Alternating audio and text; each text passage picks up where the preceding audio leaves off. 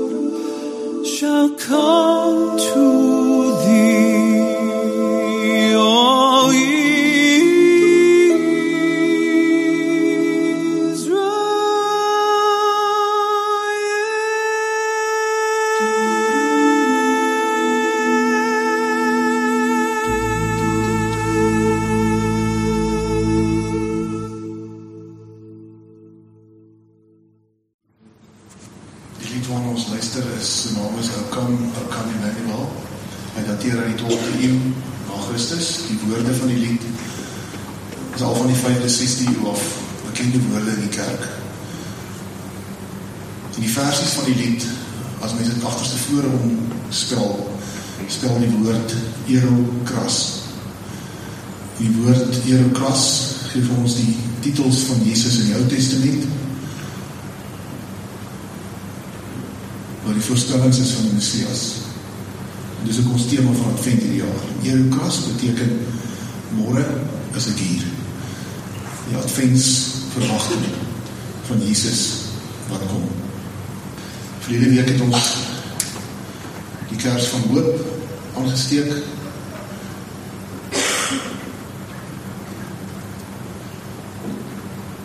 Vanoggend die kers van vreugde. Die vreugde van die verwagting van ons Here Jesus Christus. Daar was skaapwagters daardie omgewing wat in die oopveld gebly en in die nag oor die skape wag gehou het. Net eens staan daar 'n engel van die Here by hulle. En die heerlikheid van die Here het rondom hulle geskyn. Hulle het baie groot geskrik. Toe sê die engel vir hulle: Moenie bang wees nie, want kyk ek bring vir julle goeie nuus, goeie tyding van groot blydskap wat vir die hele volk bestem is. Vandag is daar vir julle in die stad van Dawid die verlosser gebore, Christus die Here. En dit is vir julle die teken. Julle sal 'n kindjie kry wat in doeke toegedraai is en in 'n voerbak lê. Skielik was daar saam met die engele menigte engele wat God prys uit die hemel en sê: Eer aan God in die hoogste hemel en vrede op aarde vir die mense in wie hy 'n welbehaag het. Daar is vir julle elkeen 'n oorvloed van genade en vrede van die Vader, die Seun en die Heilige Gees. Ons staan volgens stil by uh, Lukas 2. Ons het al die eerste gedeelte aan die begin van ons erediens gelees by die tema van vreugde, soos wat Jan ook gesê het wat vandag in Adventstyd op ons harte is. En uh op ons radarskerm is drie bekende mense, veral die eerste groep ken ons baie goed. Uh in die Kersgety maak ons graag draai by hulle en dit is die herders en dan gaan ons ook 'n draai maak by Simeon en Anna wat ook hier in Lukas 2 uh deur Lukas vir ons beskryf word. Dit is die bekende uh, skrywer en denker C.S. Lewis wat in sy hy het 'n boek geskryf met die uh, titel Surprised by Joy waarin hy sê meeste godsdienstige mense weet net genoeg van God af om ongelukkig te wees. Nie gelukkig nie. Hulle weet net genoeg van God af om ongelukkig te wees. Ek was die afgelope week tot Vrydag in Israel gewees saam met 'n groep leraars en nog 'n klompie mense wat ek daar rondgevat het. Ons doen altyd so Bybelskool. En ek is hierdie keer weer diep onder die indruk gewees met al die spanning ook in Jerusalem en alles oor wat godsdiens aan mense doen. Dat ehm um, hoe meer godsdienstig baie van die mense daar raak, hoe meer mense onvriendelik raak hulle. Hulle weet net genoeg van God om ongelukkig te wees. Maar C.S. Lewis sê ook joy is the serious business of heaven. Vreugde is die ernstige besigheid van die hemel. En dit gryp my so aan. En Lukas vertel vir ons vreugde. Kom ons begin by by die eerste gedeeltjie en ek sal so saam met jou deur die teks stap soos wat ons vorder, so jy kan jou Bybel so by jou hou of as jy dit op jou selfoon het. Ons ons lees die verhaal van die skaapwagters. En ewe skielik breek die engele se nuus in Bethlehem as hulle die hemelse ritsluiter ooprits en die engele daar uitspring met vreugde uit die hemel en die engel vir hulle sê uh die groot woorde van Lukas 2 vers 10 moenie bang wees nie. Kyk ek bring vir julle goeie nuus. Die Griekse woord evangelion of die werkwoord vorm daarvan is goeie nuus. So begin Markus en dit is dit is wanneer goeie nuus aangekondig word is dit 'n nuusflits. In ons dae is ons nie gewoond aan goeie nuus nie. As as CNN sê breaking news dan verwag jy slegte nuus. As ons nuus aangaan uh dan verwag jy slegte nuus. Ons is al so gekondisioneer dat nuus sleg is. Dat hoofnuus slegte nuus is. Maar wanneer die hemel nuus aankondig, wanneer God se hoofopskrifte breek bokant Bethlehem se sterre uh, velde, bokant die klipperige rande van Bethlehem in Judea, dan is dit goeie nuus. Dan is dit evangelion, evangelizomai, dan is dit Hoor hierso ouens, die beste nuus denkbaar het gebreek vandag in hierdie oomblikke, vandag. God se vandag het aangebreek. 2 vers 11. Is daar vir julle in die stad van Dawid die verlosser gebore, Christus, die Here. Vreugde is nie iets wat ons het nie. Vreugde is nie 'n innerlike iets nie. Al dink baie mense so. Baie mense spandeer hulle lewe om vreugde te ken. Hulle jaag vreugde na en blydskap op enige moontlike manier.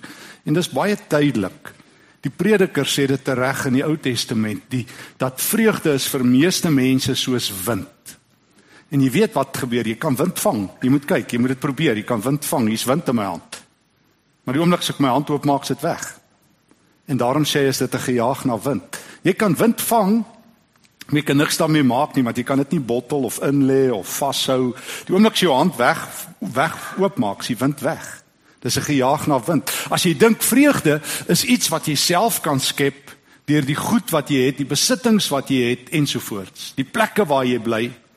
Ons almal weet dit. Mense wat baie geld het, is nie baie meer gelukkig nie. Mense wat oorsee geëmigreer het, is nie meer gelukkig nie.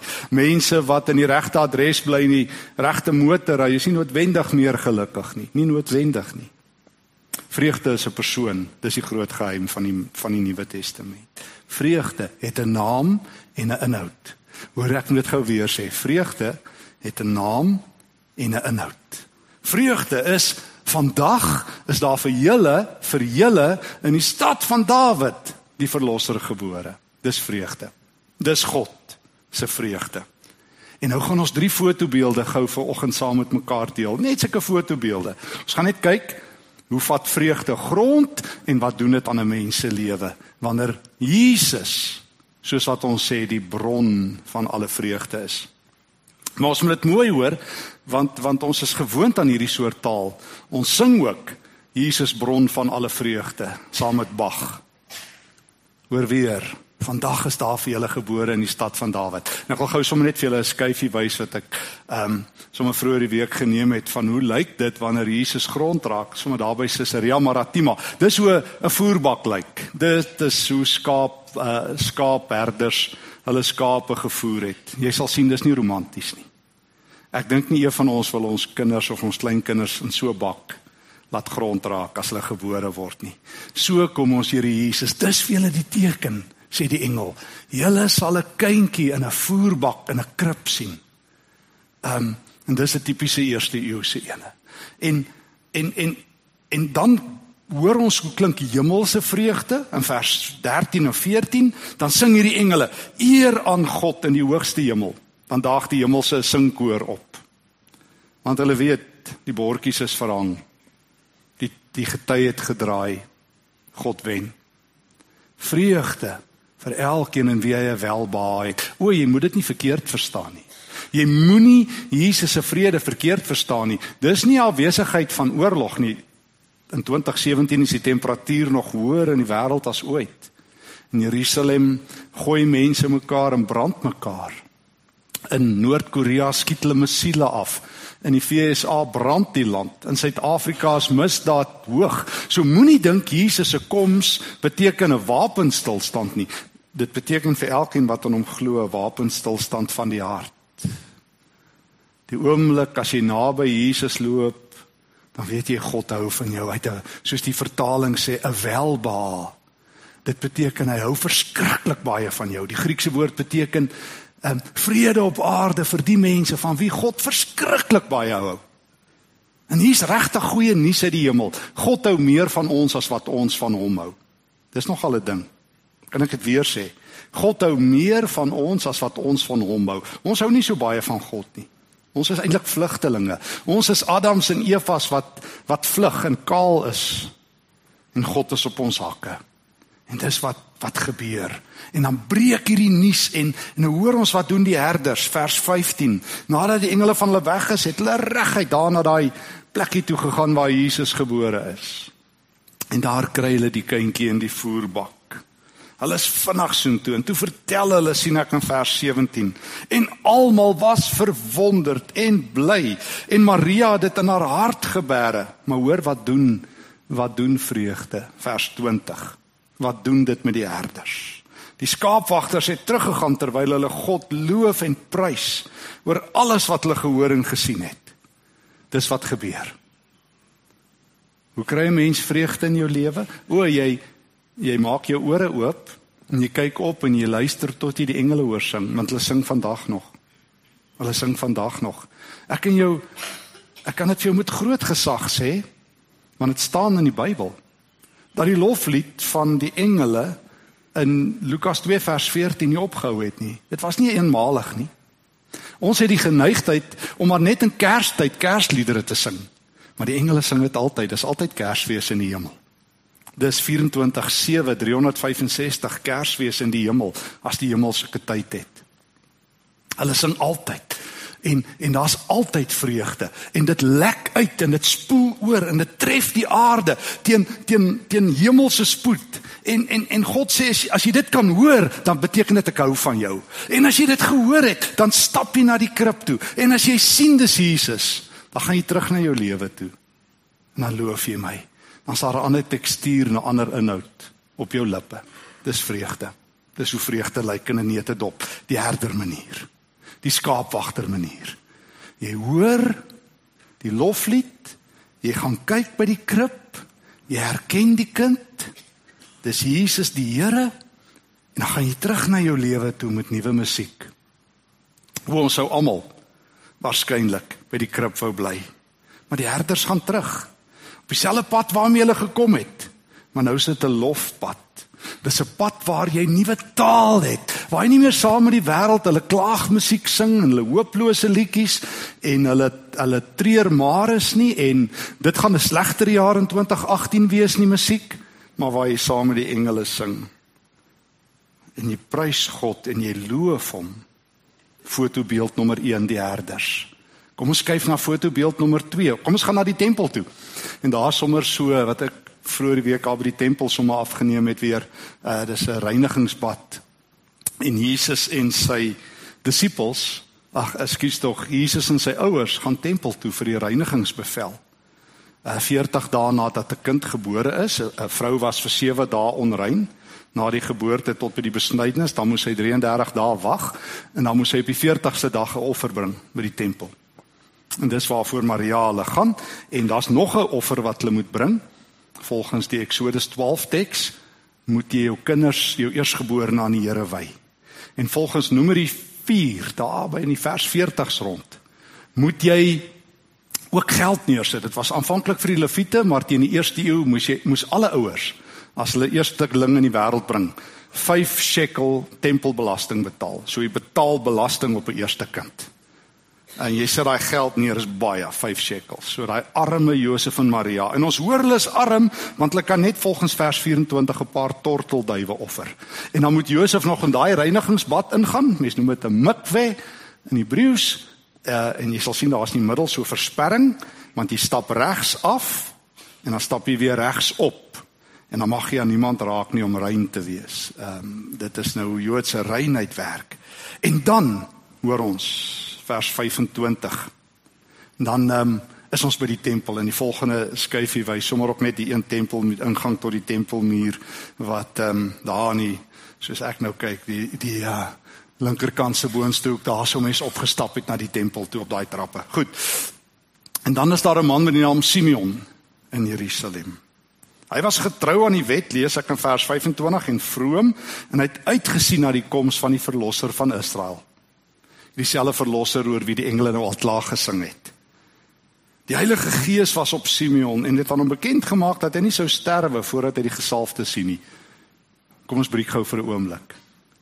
Ek ken baie mense wat um, nooit hulle lewensdroom droom nie en leef nie. Iemand sê nou eendag vir my leef ten minste een van sy drome, mens noem dit 'n nagmerrie. Ehm um, maar wanneer wanneer die Here op die toneel is, dan is die doel van jou lewe nie om af te sluit met genoeg geld nie. En ek verstaan dit. Mens mag daarvoor voorsiening doen, hoor my nie verkeerd nie. Mens moet, jy moet verantwoordelik wees. Maar die grootste doel van jou lewe is nie om goed af te sluit nie. Ek onthou altyd my ma het vir my gesê, toe sy so naby haar sterf sterf kom, het sy vir my gesê, "Ag my kind, ek gaan nie vir julle baie geld los nie." En dit het haar vreeslik geplaas tot op 'n dag dat ek vir haar gesê het, "Ma, ek wil nie jy moet vir my geld los nie. Jy het vir my lewe gegee en ek het die Here deur jou en my pa leer ken. Jy het my na die Here toe gelei. Dis vir my genoeg." nie hulle geld hê nie. Ek hoop eintlik as ma ma se asem uitblaas, dan bel die bankbestuurder en sê die laaste sente is nou deur. Ehm um, Weet jy wat die mooiste wat met jou kan gebeur, wat met Simeon gebeur? Jy sal nie sterf voor jy die Here gesien het nie. Is daar iets mooier as wat dit wat met 'n mens kan gebeur? Ek ken baie mense wat maar net doodgaan en dan s hulle yesterday's news. Hulle gaan net dood en dan het hulle niks hoop nie. Niks hoop nie. Ek kyk gisterand net op die televisie, daar's nou een of ander ou rocker dood daar in, in Frankryk.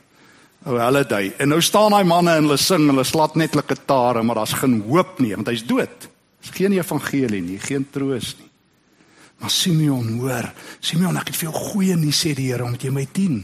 Sal jy nie sterf voordat jy my kind sien nie. En dan laat die Heilige Gees om Jerusalem toe gaan en as hy daar in die tempel kom, dan sien hy die kindjie en dan sê die Heilige Gees, "Dis die Messias." En ehm um, toe hy daardie offer bring, vers 28 het Simeon hom in sy arms geneem en hy het God geprys. Hoor wat gebeur. Simeon is 'n ouer persoon wys lank in jare. En hy weet the best is yet to come. Hy um, sê beste jare is nie agter hom nie. Dis die lewe wat vir ons sulke leuns vertel dat as jy op pensioen is as jy uit diens gestel. Dis 'n leuen, jy is nie. Jy het maar net ophou werk by 'n maatskappy. Jou waarde neem nie af by God nie. In die wêreld neem jou waarde af. Jy sal dit oral sien. Jou waarde neem af in Suid-Afrika as jy 'n sekere veldleer het, sekere godsdiens het. Ehm um, as jy ouer word, nie by God nie. God het geen waardevermindering polis nie. Inteendeel, hy sê jou waarde neem toe. Simeon, ek los die beste vir jou vir laaste. Soos daai man aan die kruis onthou jy langs Jesus. Sy laaste asem was sy beste. Hy dit toe hy daai laaste asem uitblaas, toe asem hy hemelse suurstof in. Toe Jesus vir hom sê vandag gaan jy saam met my in die paradys wees. En Simeon weet dit ook en toe hy Jesus vashou, toe sê hy: "Here, vers 29, laat die dienaar nou in vrede gaan." Wanneer hy wens nie sy lewe om nie. Hy weet Here, nou het ek U gesien. Ek het U Shalom ervaar. En wat my oë die verlossing gesien het wat U voor die wat U gereed gemaak het voor die oë van al die volke, 'n lig tot verligting van die nasies en tot eer van die volk Israel. O, dis vreugde. Selfs as met die herders, hoor die verband? Waar's vreugde in Jesus? Wat moet jy doen? O, jy moet na Jesus toe gaan. En as jy hom raak sien, dan weet jy God hou van jou want want is net mense oor wie God hom verheug wat Jesus erken. Die ander hou maar net 'n Merry Christmas en 'n happy new year en drink hulle self te pletter en doen al die simpel dinge en wens mekaar maar hulle beste wat meeste mense op Kersfees kan doen en sê mag jy 'n gelukkige Kersfees hê. Dis om eendag wat ons mekaar dood wens, né? Het jy al gedink? Het iemand al jou op die 26 Desember gevra of dit waar geword het? Onthou tog en vir almal wat jy op 25 Desember sê, geseënde Kersfees. Onthou tog om hulle op die 26ste te vertel dit het toe waar geword. Hulle sal skrik as nie eens weet hulle dit vir jou gesê nie. Maar maar dis die beste wat ons kan doen met Kersfees. Mag jy maar 'n lekker dag hê. Mag mag jou drome maar in 2018 waar word. Jesus is nie in die goeie wense besigheid nie. Hy is die goeie nuus. En daarom as jy hom vasgeloop het, het jy 'n goeie lewe. Het jou drome waar geword. En dan kan jy in vrede sterf. En dan kan jy vir ander mense vertel van die Here. En daarom is Simeon se beste getuienis sy laaste. En hy haal die Bybel daaroor. Iemand sê nou die dag uh, ruk gelede vir my 'n persoon wat um, terminale siekte het. Hy vra vir my, "Wat kan hy doen om 'n getuie vir die Here te wees vir ou Laas?" Sê ek vir hom, "Wees vir die Here lief en vir jou familie." Hy sê, "Nee, maar hy wil 'n getuie wees." Ek sê, "Wees lief vir die Here en wees lief vir jou familie." Dis jou getuienis. Dis jou erfporsie. Dan kan jy in vrede gaan. Ons derde persoon As nog 'n vrou vers 36 van Lukas 2. Daar was 'n profetes Anna, 'n dogter van Faniel uit die stam Aser. Sy was al baie oud. As 'n jong vrou was sy 7 jaar getroud en na haar man se dood het sy 'n weduwee gebly. Sy was nou al 84. Nou tegnies is die Grieks bietjie moeilik hier, so die Grieks kan een van twee kante toe gaan. Dit jy kan hom lees of sy was al 84 jaar 'n weduwee of sy is 84 jaar oud. Albei is grammaties korrek. So dink net sy 84 jaar weduwee is. Dis lank, né? Daarom kies die meeste vertalers vir sy was 84 jaar oud, maar dis al 'n hoë ouderdom. En sy was alleen, dit 'n harde lewe vir 'n vrou alleen in Israel. Vrouens mag nie werk nie. Hulle mag nie ehm um, self inkomste verdien nie. So hierdie vrou se lewe was bitter. Maar sy het haarself nie laat hervernoem Mara, noem my maar Mara want die lewe is bitter soos baie mense in Suid-Afrika graag. Daar's baie Maras hier in Suid-Afrika. Sy was nie, sy was op haar plek. Hoor wat het sy gedoen? Sy het nooit van die tempel af weggebly nie. En sy het God dag en nag gedien deur te vas en te bid. Wat 'n getuienis. Sy het 'n lang gehoorsaamheid in God se rigting gehad sê altyd vir my is die mooiste definisie van geloof daai van Eugene Peterson faith is a long obedience in God's direction. Dis om elke dag op jou pos te wees. Al is jy die enigste ou in die straat die enigste ou in jou woonbuurt die enigste ou in jou huis die enigste ou in jou land. Sy was op haar pos hierdie wonderlike vrou. Dag vir dag. En die Here het dit raak gesien en jy's op daardie oomblik vers 38 het ehm um, sy nader gekom en God gedank en gepraat oor die kindjie met almal wat na die verlossing van Israel uitsien. Toe dag sy in die tempel op en haar vreugde breek uit want hier op 'n ou dag kan sy die kind van God vashou. En ewe skielik getuig sy. Sy hou dit nie vir haarself nie, dis wat vreugde doen. En nou kan ons 'n prentjie maak van vreugde. O, vreugde is 'n persoon, dis Jesus Christus. O, vreugde is om by die krib te staan en te weet God hou van jou dat hy jou genooi het saam met die herders, saam met Simeon en saam met Anna. En dit verander die tekstuur van jou lewe. Jy gaan terug en jy loof God. Jy staan voor voor die kind en jy sê Here, ek kan nou in vrede sterwe. Die res van my lewe is net 'n bonus. Ek het U gesien. Want of ek hier is en of ek daar by U is, ek het die Messias gesien. En terwyl jy nog tyd het soos Anna, praat jy met almal en jy vertel vir hulle van hierdie kind wat gebore is. Sy het vir almal vertel. Dis hoe vreugde lyk. Kan nie vreugde vir jouself hou nie. Vreugde wys altyd. Mens kan nie binnekant toe lag nie. Jy al probeer. Jy kan nie binnekant toe lag nie. Jy moet buitekant toe lag. Jy kan nie binnekant toe bly wees nie. Vreugde mond uit, dit borrel oor. Die engele kon nie die vreugde in die hemel uh, inhou nie. Hulle moes die hemel oopmaak en sing. Die herders kon nie die vreugde vir hulle self hou nie. Hulle moes gaan kyk en jubel. Simeon kon nie die vreugde hou nie. Hy moes 'n loflied sing. Anna kon nie haar vreugde beteel nie. Sy moes vir almal vertel, hierdie kind, hierdie kind, hierdie kind gaan die wêreld verander. Hierdie kind van die krib En so Simeon sê van die swaard en die kruis en die leë graf gaan die wêreld verander. Dis God se antwoord. Vreugde is skaars. As vreugde maklik was, was almal bly. As vreugde blywend was, was almal blywend gelukkig. Vreugde is nie net 'n Kersfees ding nie. Vreugde is 'n Jesusroete. Vreugde is om ore oop te maak en jou oë oop te maak. En om saam met die herders, die engele te hoor sing en saam met Sion te uh, Simeon te sê, my oë het in die geloof die verlossing gesien. Dankie Here, ek was by die krib. Daarom kan ek glo. En daarom kan ek nou teruggaan op my roete met nuwe taal, met nuwe taal en God loof. En daarom kan ek 'n bietjie vir mense vertel. En daarom kan ek 'n bietjie weggee en kan ek 'n bietjie gasvry leef. Want ek het die verlossing gesien. En daarom kan ek vir die Here sê saam met Sion, Here, nou kan die dienaar in vrede gaan of dit nog 10 jaar of 30 jaar of 100 jaar of 3 dae is omdat my oë die verlossing gesien het wat U gereed gemaak het voor die oë van alle volke tot 'n verligting van die nasies en vir die volk Israel. Eer aan God in die hoogste hemel. Dankie Here. Dankie dat U gekom het. En dankie Here Jesus dat ons die engele kan hoor sing. En dankie dat ons in die geloof saam met die herders by die voerbak kan staan. En dankie dat ons saam met Simeon en Anna U kan sien. En dankie dat ons nou in vrede kan lewe en sterwe. Ons het die verlosser gesien. Ons is bly, Here. Daar is nuwe musiek in ons harte. Dankie daarvoor. Amen. Ontvang die Here se seën en gaan in vrede. Die genade van ons Heer Christus Jesus, die liefde van God, ons Vader, die nabyheid van die Gees van die Here wat ons troos en in die waarheid lei is by jou altyd en in ewigheid. Amen.